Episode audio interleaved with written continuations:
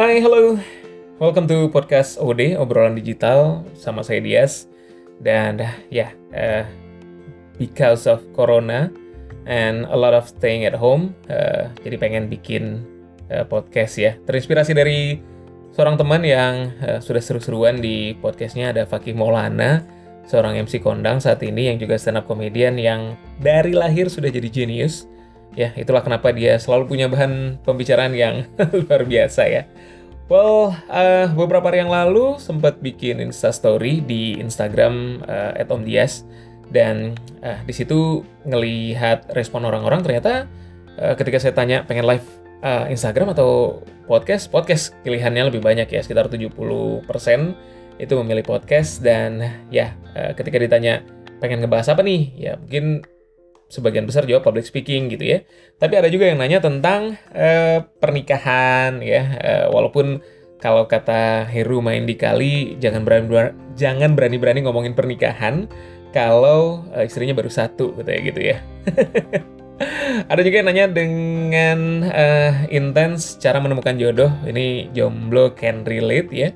Terus ada juga yang nanya tentang dunia kerja, ada yang nanya tentang manajemen stres, ada yang nanya tentang quarter life crisis.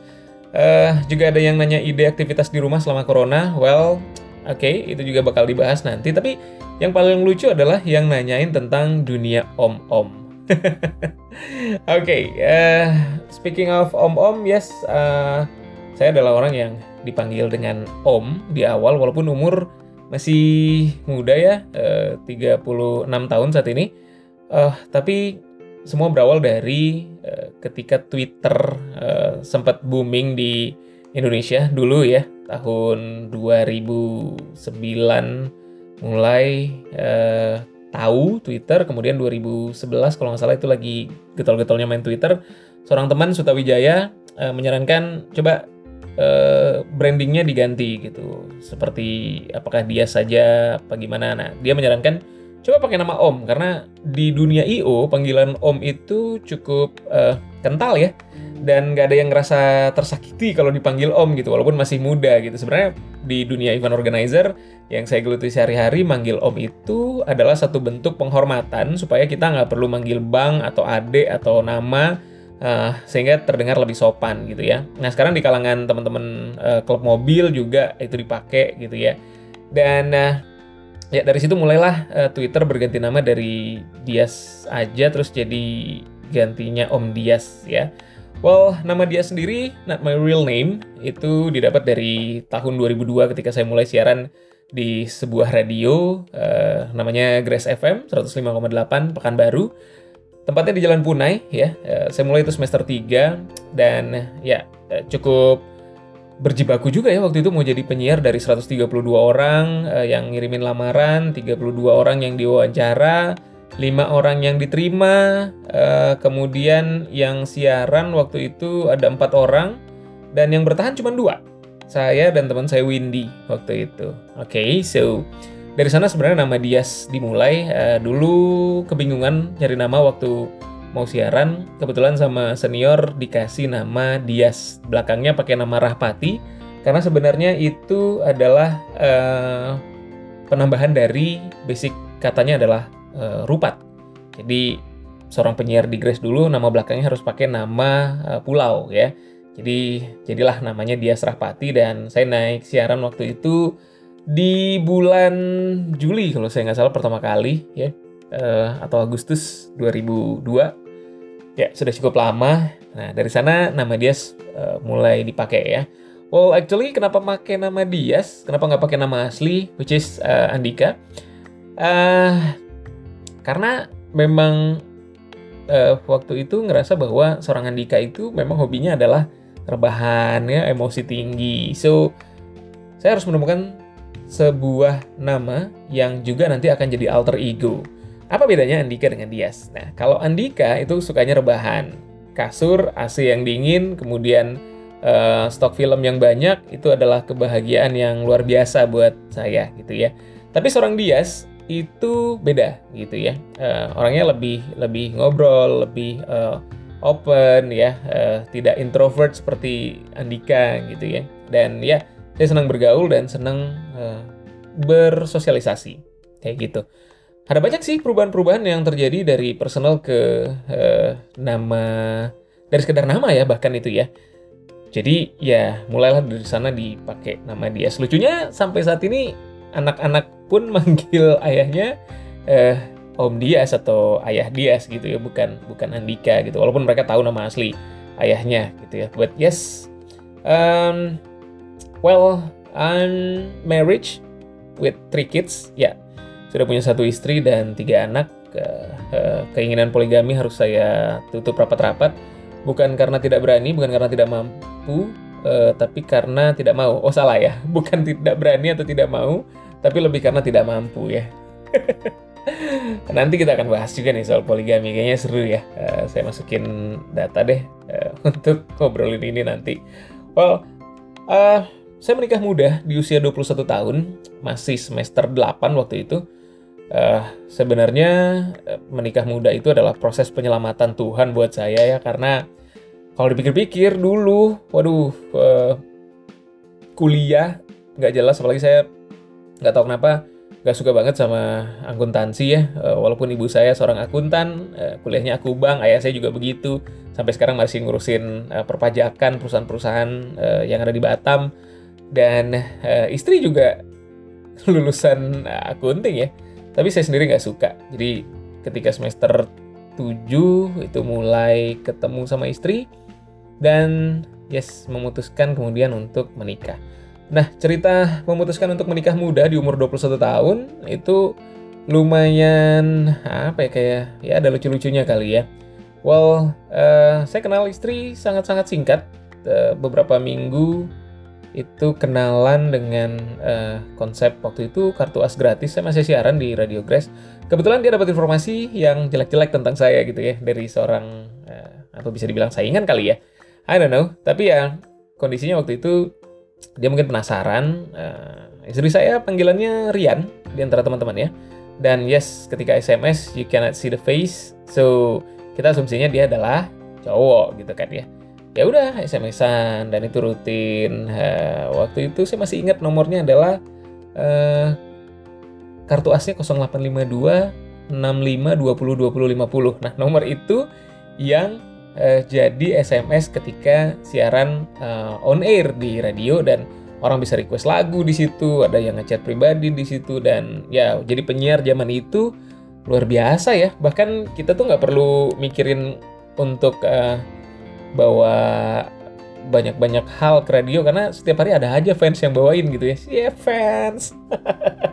Oke, okay, so ya yeah, dari situ kenal kemudian ketemu sebentar doang I don't know uh, saya rasa sih chemistry ya yang kalau kata mendiang Pak Habibi uh, chemistry itu yang penting gitu walaupun sedekat apa pun tanpa chemistry itu nggak terjadi dan saya ngerasain ya ada chemistry antara saya dan istri dan kebetulan waktu itu tetangga-tetangga di kosan ya baik anak kos maupun tetangga-tetangga ada ibu-ibu ada yang punya kedai ada yang punya ini semuanya dukung sih jadi mereka bilang, eh kalian ini mirip ya wajahnya gitu ya. I don't know gimana mereka bisa ngelihat itu, tapi ya uh, itu yang terjadi gitu. Anyway, uh, short story-nya adalah uh, kita pacaran 4 bulan, kemudian putus. Uh, kemudian ya putusnya agak sedikit nggak ini ya uh, kagetan lah gitu ya. Terus balikan lagi dan istri bilang uh, waktu itu masih pacar, ah uh, kita nggak usah pacaran gitu ya. Pacaran itu nggak ada bagus-bagusnya Eh, banyak dosa katanya gitu. Jadi kalau mau balikan lagi kita konsentrate memutuskan untuk menikah saja. Oke, okay. anak muda ditantangin begitu gitu ya. Ya sudah pasti mengiyakan. Well, kita nikah tanpa uh, apa ya? Kalau bisa dibilang tanpa restu sebenarnya.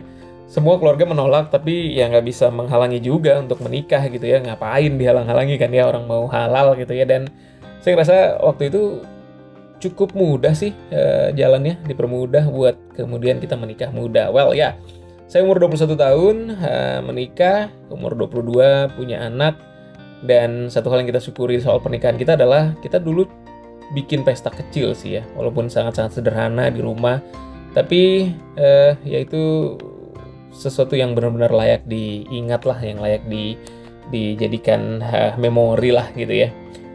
Ya jadi kita nikah kemudian eh, nggak uh, lama kita langsung punya anak ya. Jadi nikah dua bulan uh, kehamilan itu enam minggu. So yes waktu kosongnya benar-benar bersih banget karena setelah dihitung-hitung benar seminggu sebelum uh, kita ijab kabul itu memang benar-benar uh, istri baru selesai menstruasi hari terakhir. So yes itu dalam kondisi subur-suburnya. Jadi punya anak di usia 22 tahun rasanya luar biasa. I don't know nothing ya. Benar-benar nggak tahu apa-apa itu. Tapi ya Tuhan baik sih. Itu yang poin utamanya gitu. Dari awal nikah uh, modal nyari sendiri harus wah luar biasa lah. Dan kita nikah tuh bener-bener dari nol mulainya dari nol dan akhirnya uh, sampai saat ini bertahan bulan depan 15 tahun ya tanpa disadari. Well uh, rasanya menikah muda ya I'm feeling good. Actually bersyukur ya karena nggak semua orang bisa ngerasain uh, kondisi yang sama gitu ya dan sekarang sudah punya anak tiga, satu kelas 2 SMP, sekarang di pesantren di Batam, uh, sedang dirumahkan juga. Uh, kebetulan di Batam adalah kampung halaman saya, so di sana ada um, neneknya dan kakeknya, ada Mbah Uti dan Mbah uh, Kakung di Batam. Kemudian yang nomor dua ada kelas 2 SD, uh, dan yang terakhir itu satu tahun tiga bulan umurnya sekarang sedang lucu-lucunya dan anak yang tidak disangka-sangka akan muncul juga karena kita mikirnya dari dulu ya anak dua udah lebih dari cukup lah ya. Ternyata Tuhan kasih kita rezeki dan tanggung jawab lebih ya. Ada si kecil Shanum yang sekarang jadi kayak apa ya bikin kita muda lagi gitu ya walaupun ya umur segini punya anak kecil lagi itu bikin sakit pinggang banget gitu kan well untuk seorang Andika menjadi Dias dan kemudian menjadi Om Dias itu lumayan panjang perjalanannya. Uh, ada banyak hal yang terjadi ya. Uh, misalnya seperti dunia kerja, saya pernah pertama kali ngerasain kerja itu sebagai sales motor di Capella Dynamic Nusantara, perusahaan uh, sepeda motor Honda. Kemudian dari sana uh, itu pekerjaan kantoran pertama, tapi sebenarnya saya lebih banyak MC dulu, kemudian ya present dan uh, waktu nikah sempat main film lokal gitu ya yang disutradari Mr. Onggo IKJ. itu pengalaman pertama dan sekaligus yang uh, juga membuka mata uh, ketika saya jadiin beliau mentor. Uh, beliau cukup ragu karena apa saya sanggup waktu itu ya dididik katanya gitu ya. Ya saya waktu itu uh, masuk di uh, Tribun Pekanbaru setelahnya uh, sempat sebelum itu juga jadi marketing catering ya. Uh, gabung di IO uh, dan ya uh, ada beberapa hal yang merubah di catering. Saya pernah di Kisi Catering dan Sidi Maco Catering. Waktu di Kisi saya dapat sebuah buku uh, dari bos saya Pak Anto waktu itu. Beliau memberikan buku Kavi Kurnia. Judulnya kalau nggak salah marketing apa ya marketing gila apa marketing apa gitu. Pokoknya itu tentang marketing dan yes I love that books Mungkin itu buku terakhir yang saya baca secara lengkap dan lumayan nyimpen di otak ya. Dan dari buku itulah kemudian saya memutuskan untuk jadi seorang marketer gitu ya. E, memanfaatkan kemampuan bicara dari seorang penyiar. Cukup lama sih siaran, e, 2002 sampai 2014, 12 tahun. Ya, terakhir siaran di Radio Cendana FM 102,6, sekarang Eljon FM ya sempat bantuin RTV juga. Waktu itu ada Fresh Radio saya jadi kepala siarannya waktu itu ya.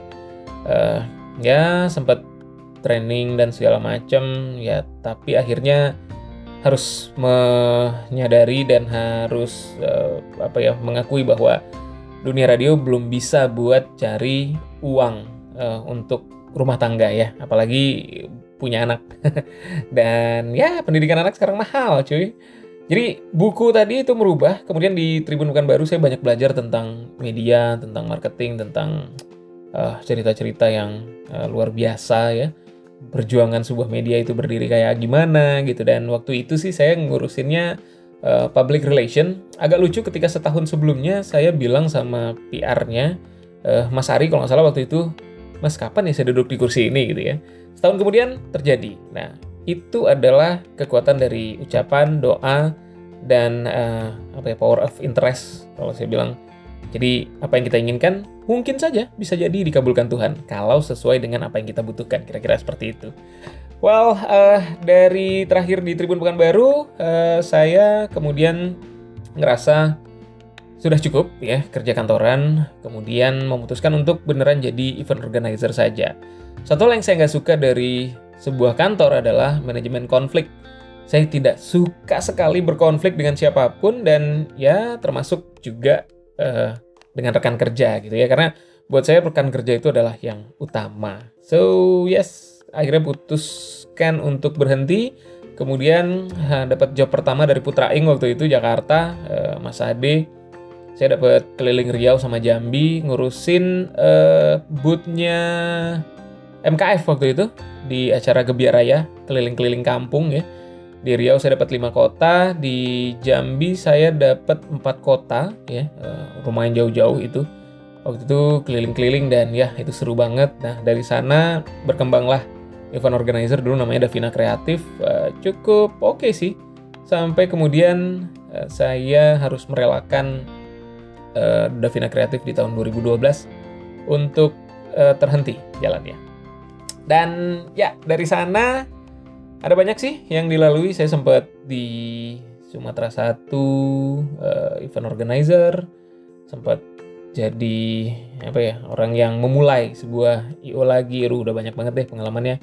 Uh, teman-teman di Sumatera Satu cukup baik sama saya karena mereka memfasilitasi ya waktu itu. Tapi ya akhirnya saya ngerasa empat tahun, uh, hampir empat tahun ya. Itu waktu yang sudah cukup untuk uh, nge-build.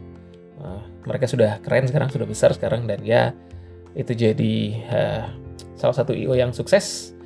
Dan uh, sempat kacau ya uh, 2017 adalah titik balik tapi saya nggak akan cerita sekarang.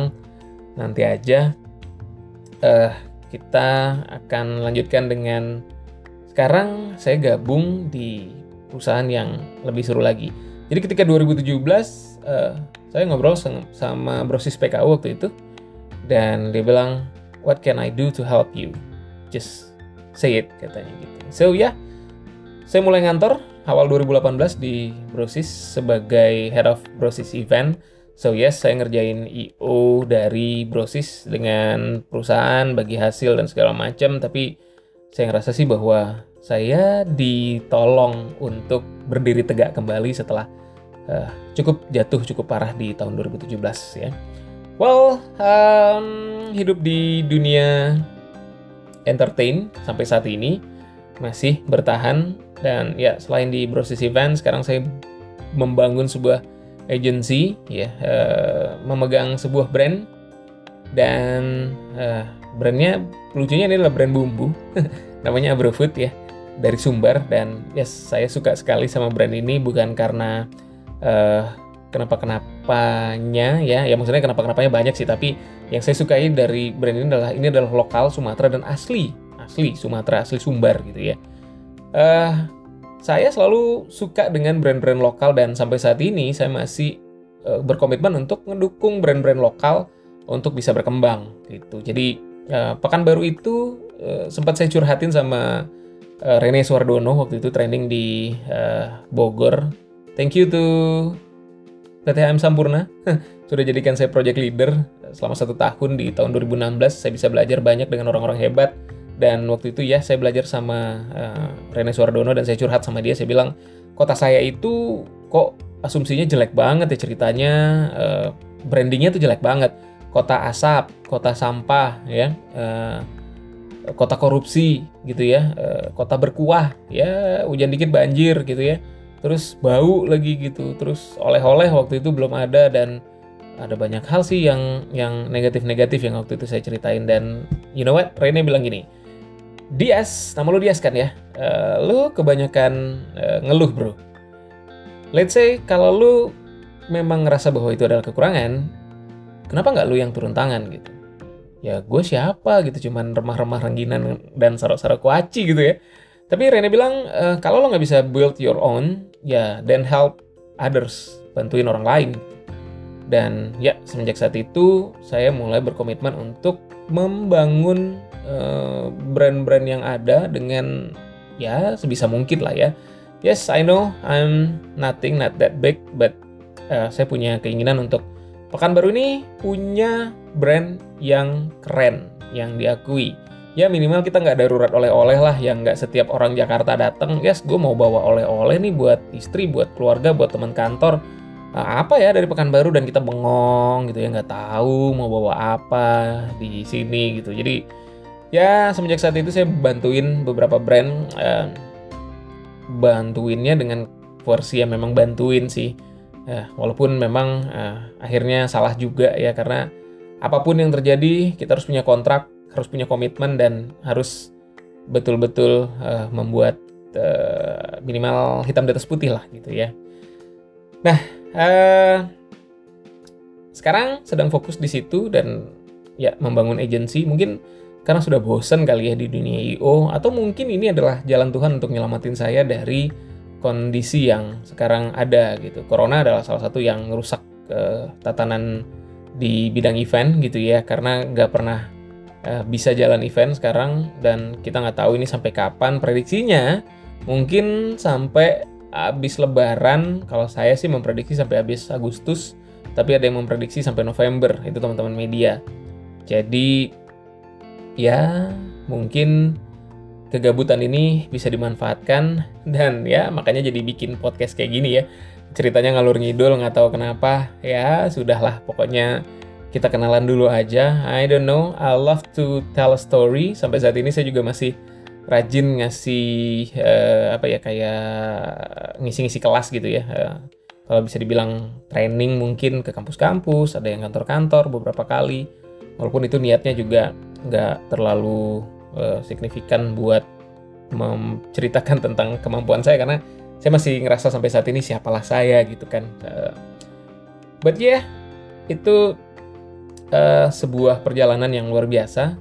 Terima kasih juga buat Pak Christian Pramudana, benar kan ya? uh, eh, CEO dari Dharma Yuda yang selalu percaya untuk uh, saya bisa berkarya gitu ya.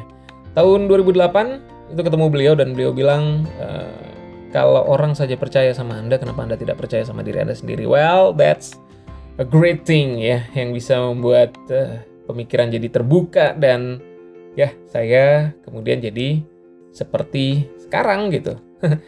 well, ada banyak kejadian-kejadian di hidup yang saya harus syukuri karena memang akhirnya berjalan uh, tidak seperti apa yang saya bayangkan tapi ya saya ngerasa yang tidak berubah adalah Tuhan selalu baik sama saya. Jadi ya saya juga sampai sekarang masih berusaha jadi orang baik sih.